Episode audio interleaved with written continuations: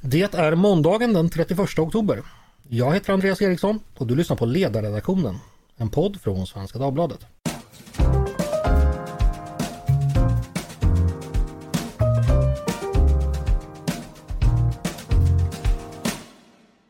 Varmt välkomna hörni! Eh, 31 oktober alltså, numera även i Sverige känt som Halloween. Detta sönderpratade ämne som allt sedan 90-talet varit föremål för otaliga texter och debatter om denna nya lilla planta i den svenska högtidsrabatten. Är det fråga om amerikansk skräpkultur? Eller är det barnens högtid som lyser upp hösten?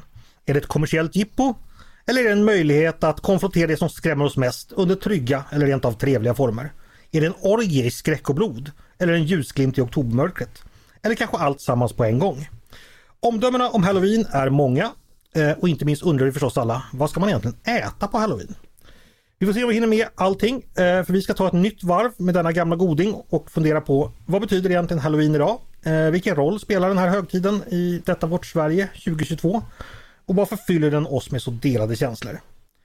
Med mig för att tända ljuset i den här pumpan för att lysa upp denna frågeställning har jag tre gäster, nämligen Jonas Rosenqvist, Mattias Axelsson och Maria Ludvigsson. Jonas, du är doktor i etnologi vid Umeå universitet och skräckfantast och har jag lärt mig också, du har drivit både skräckbutik och arrangerat skräckfilmsfestival, stämmer det? Det stämmer alldeles, 100 procent.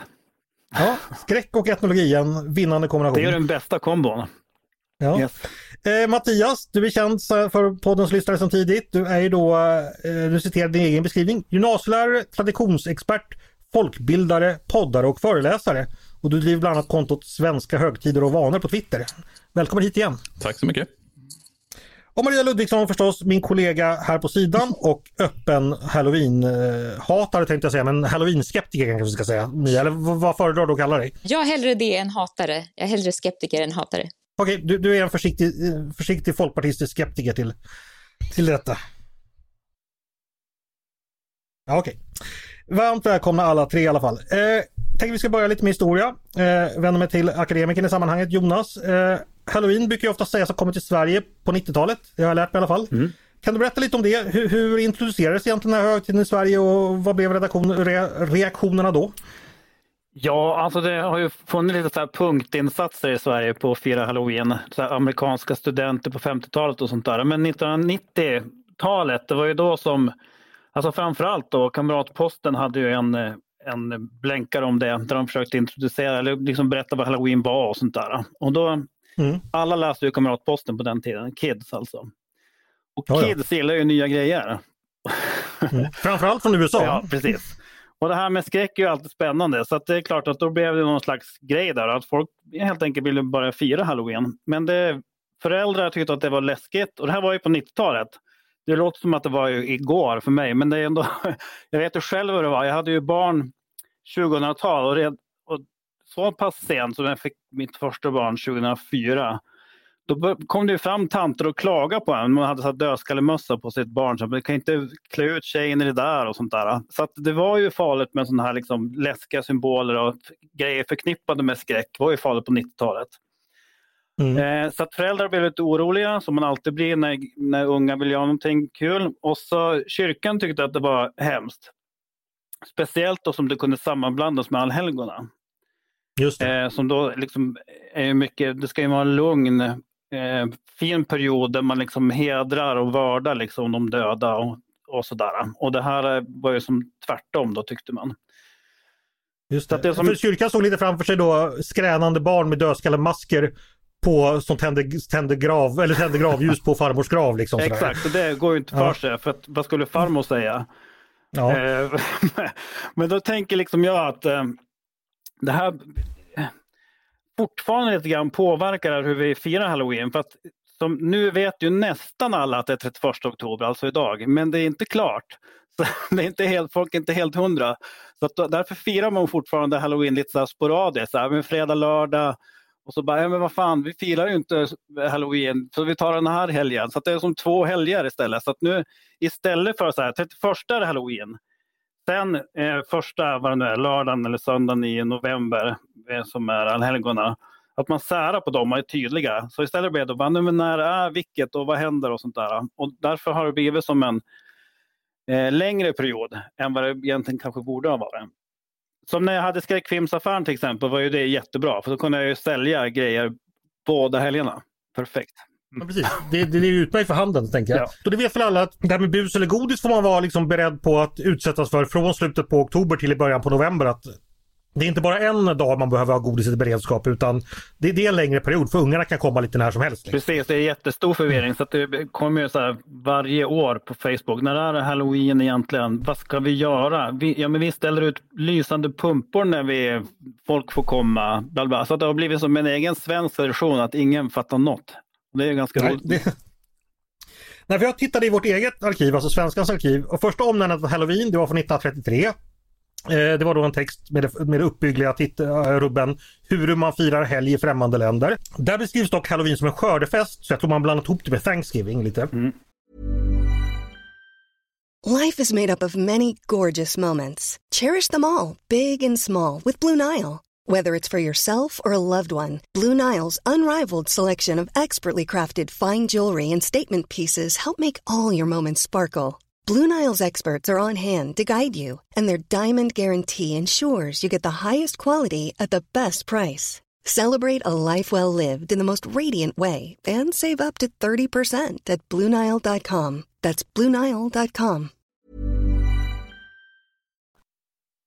Om vi vänder oss till dig Mattias, Eh, du brukar ju fundera på hur saker har nått Sverige egentligen. Om vi tittar tillbaka på 1990-talet, kanske slutet på 1980-talet. Halloween eh, tror jag inte var helt okänt då för alla hade ju sett E.T. exempelvis och där spelar Halloween rätt stor roll. Men vad tror du svenskarna hade för kunskaper om Halloween liksom innan vi började fira? Har du, har du funderat någonting på det? Ja, alltså jag tror att svenskar generellt sett hade ganska dålig koll på halloween före 1990-talet. Man kan ju ta ett sånt exempel, enkelt exempel som skräckfilmen Halloween som kommer i slutet på 70-talet. Ja, just det. Den översätter man ju till alla helgons blodiga natt. För titeln Halloween hade blivit obegriplig för svenskar i slutet på 70-talet. Och på samma sätt eh, originalomslaget eh, till Halloween har ju en, pump, en skräckpumpa på framsidan. Det plockade man också bort på det svenska omslaget. För jag tror att just pumpan det är ingen symbol som svenskar under slutet på 70-talet överhuvudtaget kan relatera till. Och även när du läser eh, serietidningar från 70 och 80-talet, då det är ganska ofta refereras, alltså amerikanska serietidningar då, då det ofta refereras till halloween så finns det ju alltid en lite förklarande ruta om vad halloween är. För svenskar förväntas inte veta vad halloween är, utan det är ju i och med ja, men, att Hard Rock Café och Buttericks börjar driva att svenskar ska fira halloween från slutet på 80 början på 90-talet. Och med det så kommer ju också en större kunskap om halloween under 1990-talet. Och vi har fler och fler får tillgång till kabel-tv till exempel under 90-talet, vilket gör att vi får ett större, en större konsumtion av amerikanska tv-serier. Simpsons på 90-talet till exempel är alltid en halloween-special varje år. Så på det sättet så ökar ju svenskars kunskaper om halloween. Mm. Treehouse of Horror nämner du där. De var ju på 90-talet, eller kanske fortfarande, jag har inte sett Simpsons på tio år, men det var, brukar ju ofta vara det roligaste avsnittet på hela året. Men Mattias, bara bort IT då, 1982, där så mycket händer under Halloween. Fattade man inte den scenen då? Eller tyckte man bara det var maskerad eller något konstigt? Eller vad tror du om det? Jag tror faktiskt inte du kan relatera riktigt. Eller många av de som såg IT på, på 80-talet kan inte riktigt relatera till vad halloween är för någonting. Utan man, man ser det som, en, som, kanske som en maskerad snarare än som att man vet vad halloween är. För i allmänhet så är kunskaperna om halloween försvinnande bland svenskar. Det är ju det som är anledningen till att man måste förklara i serietidningen vad halloween är för någonting. Det behöver man inte göra idag.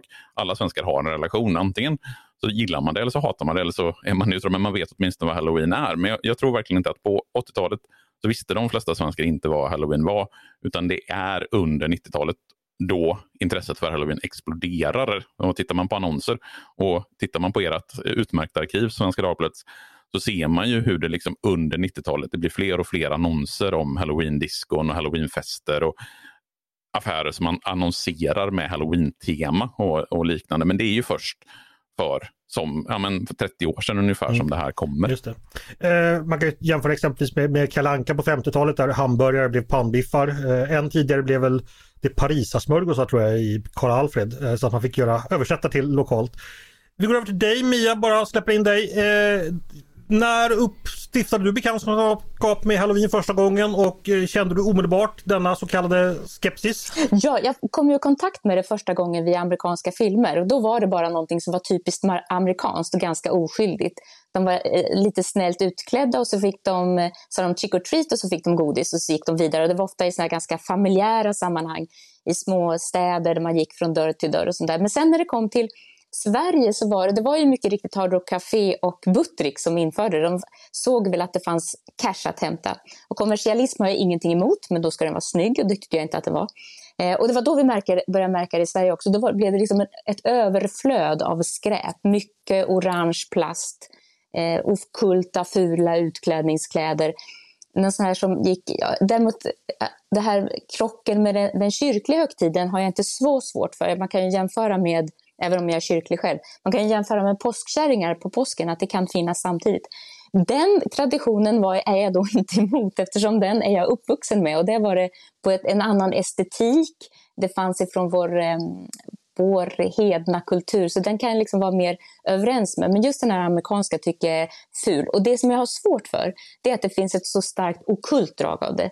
Jag råkade befinna mig på Gröna Lund häromdagen när det var det här spöktåget. Och att små barn ska se på något sånt som är så grusamt, som är riktigt skrämmande, på riktigt otäckt, det tycker jag, är, jag tycker är obehagligt. Därför att det, det, spelar med någonting i människans behov av att dras mot, mot just det ockulta, mot det djävulska och mot det, det, som skrämmer oss. Till en viss mängd, till en viss dos, men jag, i grunden tycker jag att det är obehagligt. Jätteintressant. Det, det, är alltså det här, jag tänkte på säga, vad är det för fel på det okulta? Men det är alltså då att du tycker att det är genuint någonting dåligt som finns med det okulta som vi inte ska titta för djupt i. Ja, verkligen så. Därför att det, jag, jag, tror ju på att det onda och det goda finns. Och det, här, det blir ju en skämtsam ton det här, men för mig är det rätt mycket på allvar. Att det finns, när man dras mot det som är det djävulska så ska man passa sig. Hellre dras mot det sköna och det vackra. Sen finns det ju inom kulturen en spänning mellan detta och måste finnas. Men att aktivt dras till det, att låta små barn kittlas av det och liksom fostras upp i det, det tycker jag är rätt obehagligt. Mm.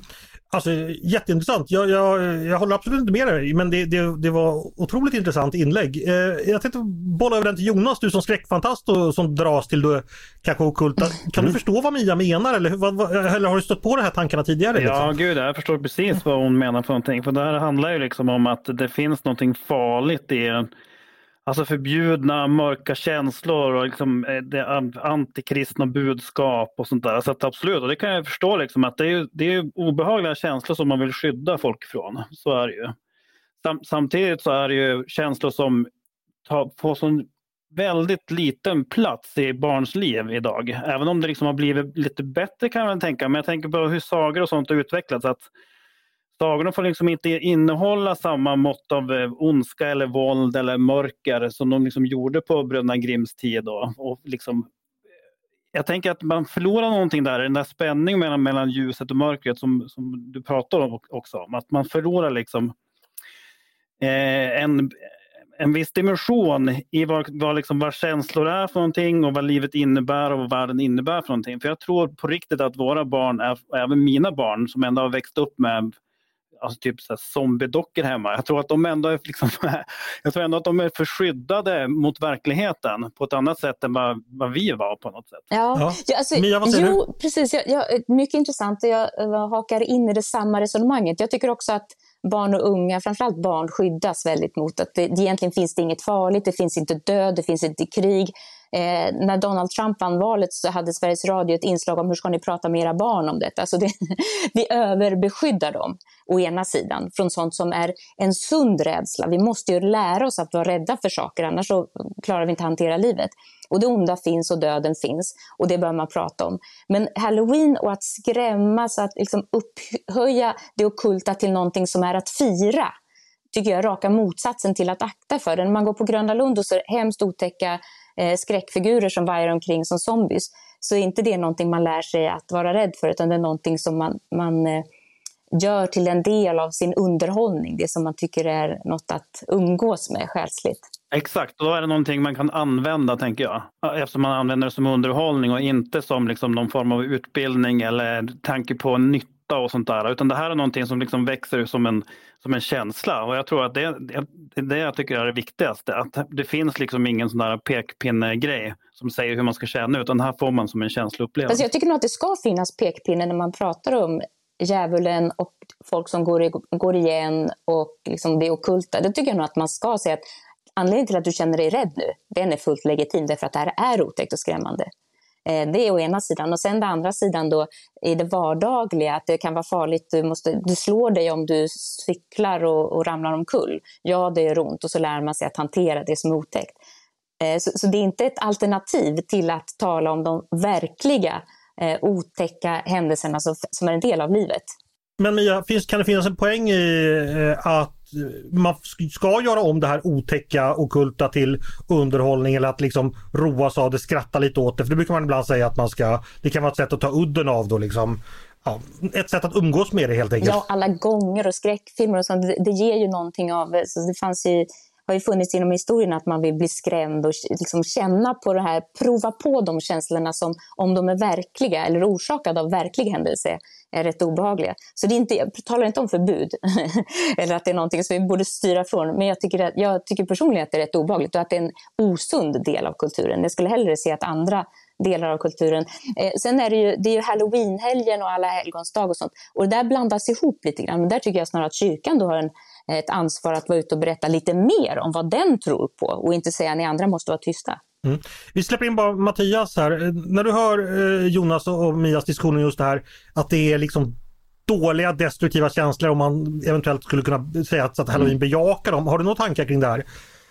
Jag tänker att det är någonting som har funnits många gånger, lång, alltså tillbaks i historien. Vi tar påskkärringar som exempel, som, som du nämner. Det kommer ju utifrån det här med tro på djävul och människor som åker till Blåkulla och har häxsabbat. Och det finns ju bra många exempel i historien på högtidstillfällen på året då ungdomar klär ut sig i olika skrämmande masker där syftet faktiskt är just att skrämmas.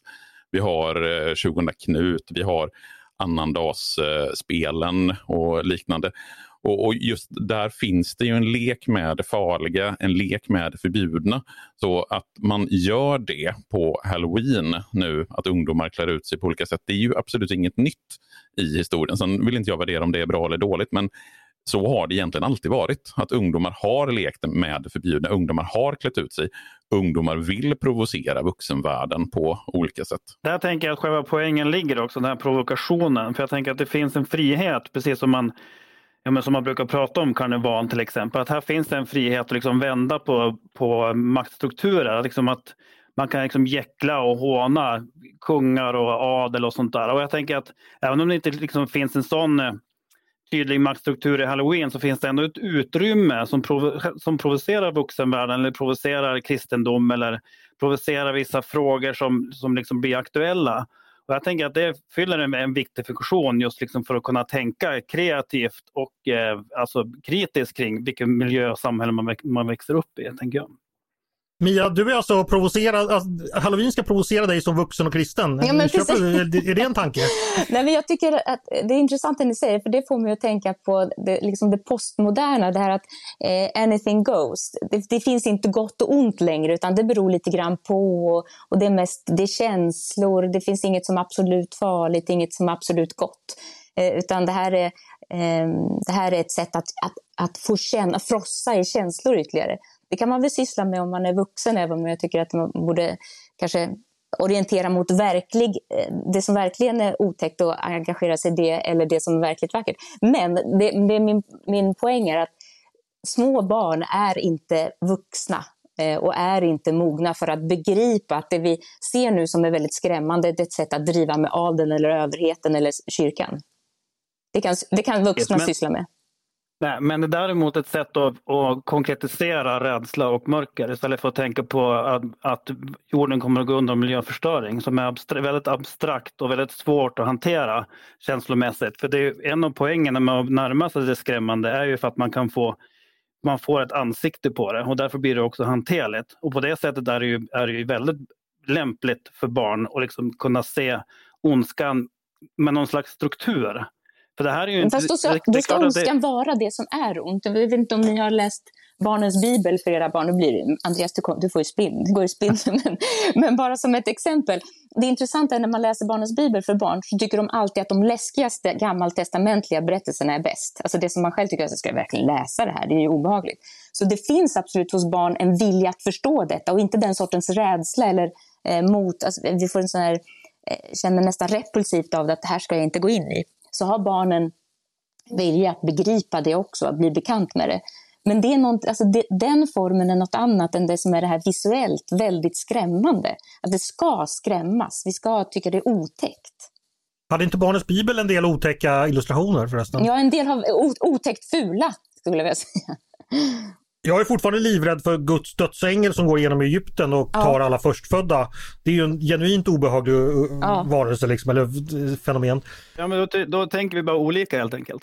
Ja. För jag tänker att det är verkliga känslor genom overklig eh, ja, men Mia, det lät lite som du att halloween var något sorts nihilistiskt, att mm. eh, det är bortom ont och gott, att man bara liksom i något postmodernt tillstånd eh, leker med, med alla värden och inte tillmäter ja. dem någon, någon ni put, realitet. Ni puttade mig i den riktningen. Men det är detta, det, jag tänkte på det när vi kom in på att jo, men det här är ju ett sätt att leka med det otäcka. Att vi, eftersom vi aldrig idag inte utsätts för den sortens eller vi utsätts inte för känslan av att bli verkligen rädda. Vi, vi skyddas mot allting och barnen skyddas mot allting och då ska man istället ersätta det med en, låtsas, en, en låtsasvärld där man kan bli skrämd. Så tycker jag att det blir ett sätt att heller inte ta det riktigt otäcka på allvar. Utan då, är det, då, kan vi, då kan vi kittla oss lite grann med det och då är känslorna någonting som vi leker med eller som vi eh, brukar på olika sätt istället för att se det som en del av livet och världen.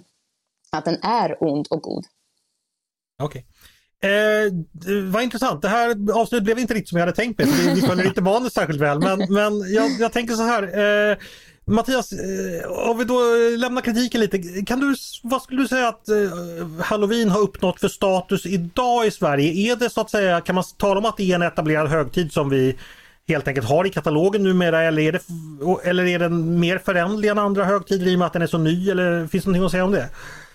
Jag tror att jag skulle beskriva den som tämligen etablerad i Sverige. Att det är ju sådär att vi, när man uppnår liksom en viss ålder så tänker man 90-talet, det var ju typ igår. Mm. Men 90-talet är ändå 30 år sedan. Tala inte om eländet. man på dem, Nej, det är bedrövligt när man tänker att det är hemskt. Där. Men tittar man på de undersökningar som faktiskt finns, till exempel ju Svensk Handel alltid undersökningar i anslutning till olika högtider och frågar folk hur de tänker uppmärksamma. Och där har ju halloween genuint en stark ställning. Två av tre svenskar sa förra året att de på något sätt, tänker uppmärksamma halloween. Och Det är antingen i form av att man köper extra godis eller att man har pumpor och halloween-dekorationer, att man klär ut sig. Och Det är en ökning de senaste åren. Och kan vi då säga att två av tre svenskar på något sätt uppmärksammar halloween och vi har haft den i Sverige i 30 år så vill jag definitivt beteckna den som etablerad i Sverige. Sen är det ju som, eh, som Jonas var inne på, den här ständiga diskussionen om när är halloween? Alltså vilket datum? Och vi har ju någonstans fått en situation att där vi liksom drar ut halloweenfirandet på ungefär två veckor i och med att vi har kopplingen till allhelgona. Och där blir ju problemet i Sverige att vi firar inte allhelgona när alla andra firar helgona i och med att vi har valt att lägga det på en lördag. Vi firar ju allhelgona alltid den lördag som infaller mellan den 31 oktober och den 6 november. Vilket gör att våran svenska halloween borde ju egentligen vara på fredagen innan alla helgons dag eftersom halloween kommer av All Hallows Eve, alltså alla helgons afton. Så jag kan ju genuint förstå den här förvirringen mm. som finns. Och I och med att vi inte har ett specifikt datum på det sättet som man har i USA så blir ju egentligen är det idag som är 31, eller 31 oktober idag är ju den egentliga halloween. Men man kan ju precis lika gärna säga att eh, svenska allhelgonsafton, den är på fredag. Vi får tänka på nationalekonomin här, för helgdagar som ligger på, som är flyttbara, de blir ju väldigt dyra. Så det är bra att ha helgdagar på lördagar på det sättet. Att... Jag tänker så här att det är halloween-säsong. Det är i väldigt hög grad, så är det förstås. Eh, en, bara en sak som jag fångar upp sen tidigare när ni pratar om halloween som någon sorts att man, alltså som karnevalen, att man gör uppror och leker med auktoriteter och sånt där. Jag skulle ju säga att halloween idag har väldigt lite med uppror mm. att göra för att det är ju främst vi småbarnsföräldrar som då eh, curlar våra barn, vi klär ut dem kläder, vi tar bilder på dem, lägger ut dem på Instagram, vi skjutsar dem till halloweenfesten på det lokala leklandet, hämtar dem sen. Sen skickar vi ut dem, ska det inte gå bus eller godis. Så det är ju på det sättet är väldigt... Och det är ju inte någon sån här spektakel där ungdomar går omkring och sup, Det var man ju lite orolig för på 90-talet att ska vi ha ännu en superhelg? Men ungdomen har ju i hög grad slutat dricka alkohol och ställa till med otyg. Så det är ju väldigt... Det är en ganska fridsam helg och en väldigt etablerad medelklassig helg skulle jag säga. Liksom att, Mycket. Ja, men är inte det generellt så att ungdomar, ja, ungdomar dricker ju mindre tyvärr eh, idag. Så att det gäller, gäller väl generellt för eh, olika högtider att det är mindre supande. Alltså, vi, vi kan ju backa bara 30-40 år och liksom prata om alltså, vilken superfest Lucia mm. var den, den har ju försvunnit mm. helt som, som uh, fest, eller som högtid, om man nu ska använda det begreppet, då ungdomar går ut och, och dricker alkohol. Eh, Jonas, fyller halloween, om man ska vara så anspråksfull fråga, fyller den något sorts behov i den så att säga svenska samhället idag som vi inte annars får, får utlopp för, tror du?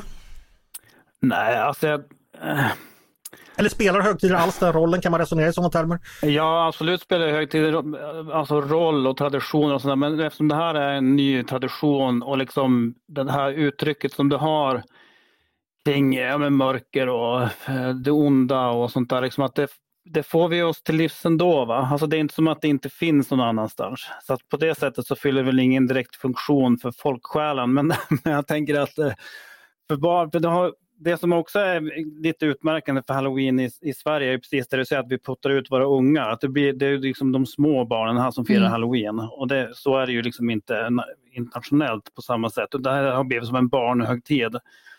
Och då tänker jag att för barn kan det säkert liksom vara, finnas någon form av funktion just liksom att kunna, eh, som jag sa tidigare, då, eh, liksom att få liksom ett face, ett ansikte på på döden och sånt där på, på, på något sätt. Men jag tror inte att det är så. Jag tror inte att det finns så jättemycket. Men det som man kan ändå säga som har hänt ändå, det är att nu får ju ändå barn gå ut och vara klädda som skelett och sånt där. För att på 90-talet och när det började komma, då försökte ju aktivt skolor och dagis och sånt motverka och ha, ha så här prinsess eh, prins och prinsesshögtider istället och sånt där. Så att jag tror ändå att det finns ju någon, för jag tror ändå att det finns för barnens skull eh, någon form ändå då och närma sig någonting som kanske föräldrar inte pratar så otroligt mycket om och som inte heller syns så jättemycket i barn, eh, barnkultur. Så att det, någon form av funktion tror jag ändå att det kan fylla.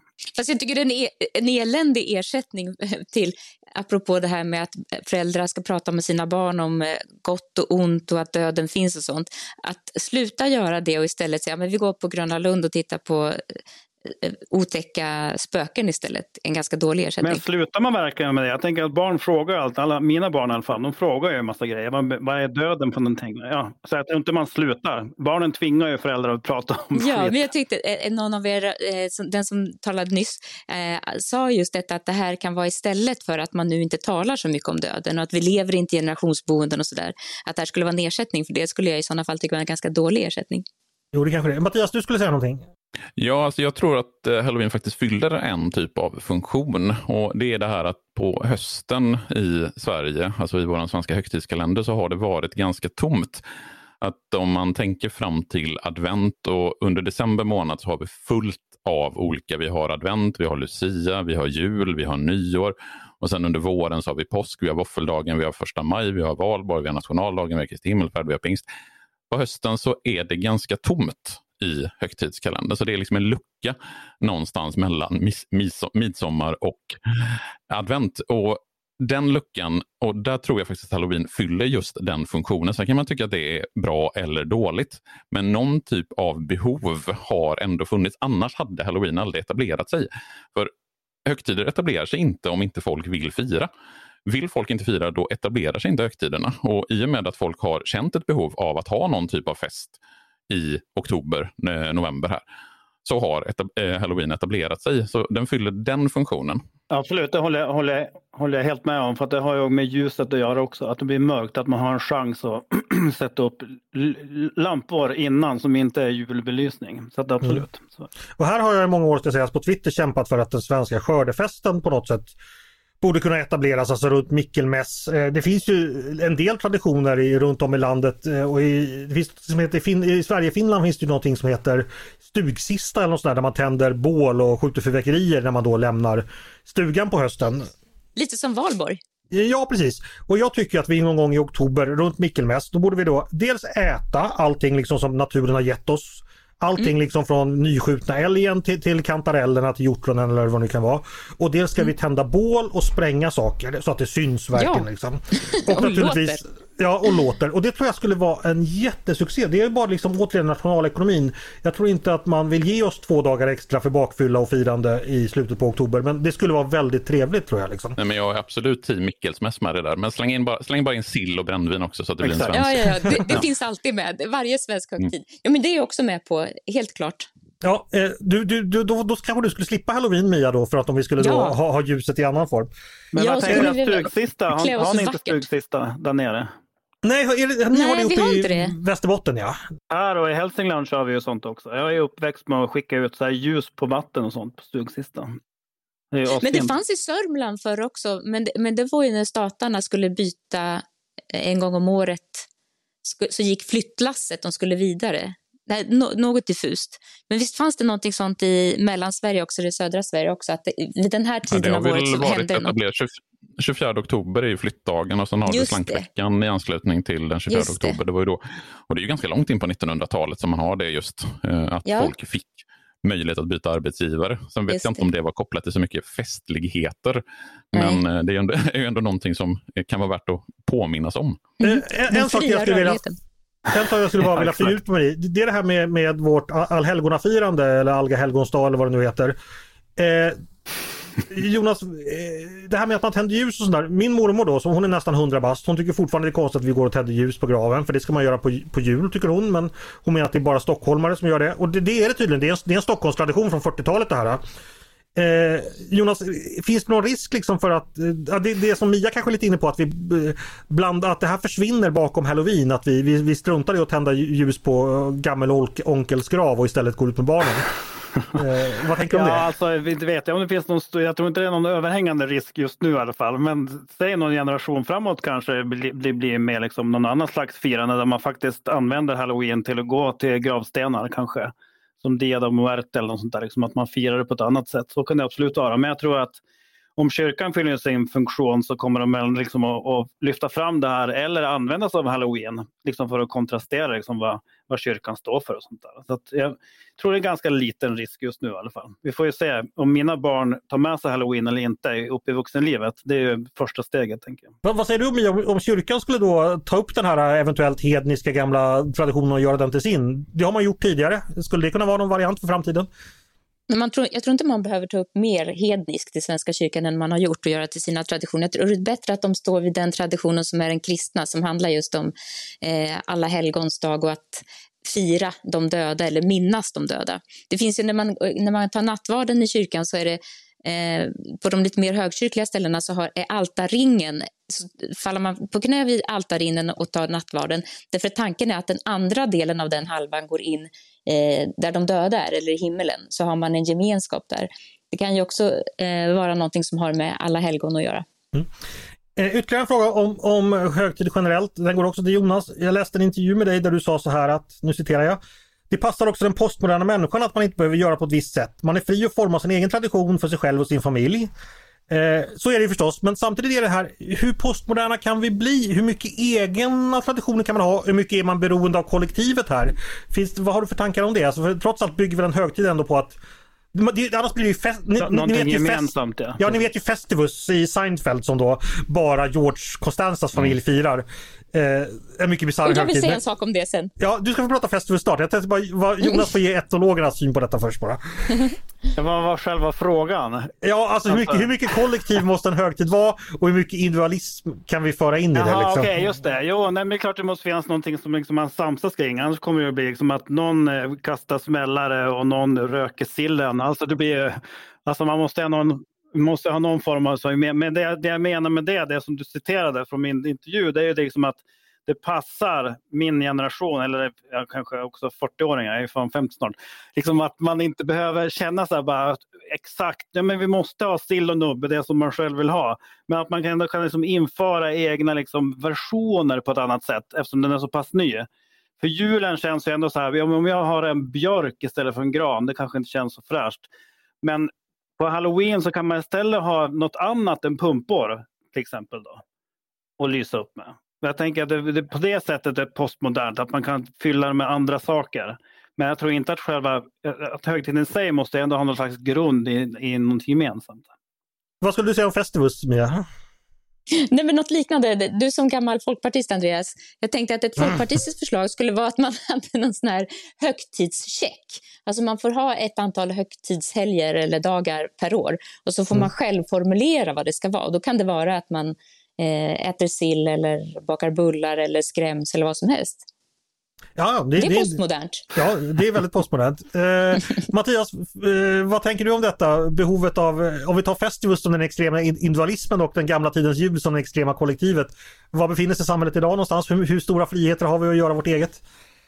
Alltså vi har ju i teorin väldigt stora friheter att göra vårt eget och välja vårt eget. Men i praktiken så blir det ju gärna så att vi någonstans inordnar oss i en kollektiv gemenskap. Vi liksom mår ju bra av att göra som andra gör. Vi mår ju bra av att tillhöra grupper där man har gemensamma traditioner. Det är ju, liksom, det är ju därför som folk sitter och tittar på Kalanka klockan 15.00 varje julafton fast man har sett det här liksom 40 gånger. Man vet precis vad som kommer hända. Och väldigt få tycker att det är speciellt roligt egentligen. Men vi gör det för att alla andra gör det. Och vi äter mat som vi nödvändigtvis inte tycker är jättegod. Men vi gör det för att alla andra gör det. För att vi vill känna oss som en del av en gemenskap. Och att bara välja att fira helt individuellt det som jag vill fira. Ja, visst, det är klart att du kan göra det i teorin, men i praktiken så är det ganska svårt. Just för att du är en del av en gemenskap, du är en del av ett samhälle. Och det, Samhället bygger någonstans på det här att vi har vissa gemensamma, gemensamma ramar, gemensamma referenspunkter. Och sen är det ju såklart fri att inom det själv välja vad du vill fira eller inte. Men, men någonstans så måste ju de här gemensamma ramarna ändå finnas. Så ett samhälle med enbart Frank Costanzas, uh, it cannot stand. Det hade varit ett fruktansvärt samhälle skulle jag säga. Fruktansvärt. Värre än halloween. Ja. Eh, precis. Eh, ni som inte förstår det här med Festivus, ni får googla Costanza och Festivus. Eh, Holiday for the rest of us, det, det, det är väldigt roligt. Eh, I alla fall om man som vi är 70-talister och minns 90 Eller Mattias, du kanske inte är 70-talist, förlåt. Jag är, 78, jag är född 78 så jag är också 70-talist. Ja, men bra, då, då är vi god, god relation till Seinfeld. Alla vi tillhör den gener ironiska generationen. Ni övriga får, får ja, ni kanske går över huvudet på er. Ja men hörni, hur ska vi sy ihop det här då på vettigt sätt? Jo, jag kanske ska fråga så här, eh, firar ni själva halloween på något sätt? Och vi börjar med dig Mia, du som är skeptiker. Bojkottar du eller låter du? Ja, så mycket jag kan. Jag, alltså, jag, jag dras inte av det alls. Men eh, alla, alla helgons dag kan jag fira i någon mening. Ja, okej, okay, vad trevligt. Eh, Jonas, mm. vad gör du? Har du skräckfilmsfestival eller hur firar du? Ja, det brukar jag väl ha. I Mias ögon så är jag väl någon form av satanistyrka antar jag då. För att, Minst, det hör jag ju. för att, eh, jag, jag, jag är uppväxt, jag är ju fan skräckfilmsnörd från födseln känns det som. Så att, eh, det, det, här är ju som en helg som jag börjar fira långt tidigare än, än andra börjar göra det. Mycket då via halloween, alltså filmen då. Mm. Så det var ju perfekt för mig som gillar sånt här. Så att för mig är det här någonting som jag har prackat på mina barn som något eh, bättre än jul. Ja, Mattias, du då? Firar du? Eller? Jag kommer nog äta lite extra godis och jag har faktiskt en, en utkarvad pumpa sedan förra helgen då mina, eller ett av mina barn hade en spökvandring uppe i skogen. Men jag ska ju också gå till eh, grav, gravar och titta på gravljus och tända gravljus på lördag. Så jag tror att man kan kombinera det här med att uppmärksamma halloween och fira alla helgonsdag. Jag tror inte att det finns någon motsättning däremellan. Du måste välja. Nej, det är två olika saker. Det är klart du kan göra både och. Ja, exakt så. Men för, fråga till Jonas, upp hos dig, tänder man, är det lika vanligt som i Stockholm numera att man tänder ljus i, även i, i Västerbotten? Ja, det är ju någonting som har spritt sig från, förr var det väl juldagen mest va, som man tände. Men nu ja, är det... precis. Det, det ser min, mm. mormor då som är från Ångermanlands inland, hon anser att det ska vara på, på jul, precis. Att man går dit på julafton tror jag rent av. Men ja. absolut, det är ju fint med. Mm. Ja, men det, just det där med gravljusen är ju intressant just för att det kommer ju till Sverige säg på 1920-talet. Det är då man hittar de första annonserna för gravljus. Och Det är ju inte helt olikt hur eh, traditioner på 1900-talet introduceras. Just att Blomsterfondens insamlingsverksamhet är några som är drivande bakom det här och introducera gravljus.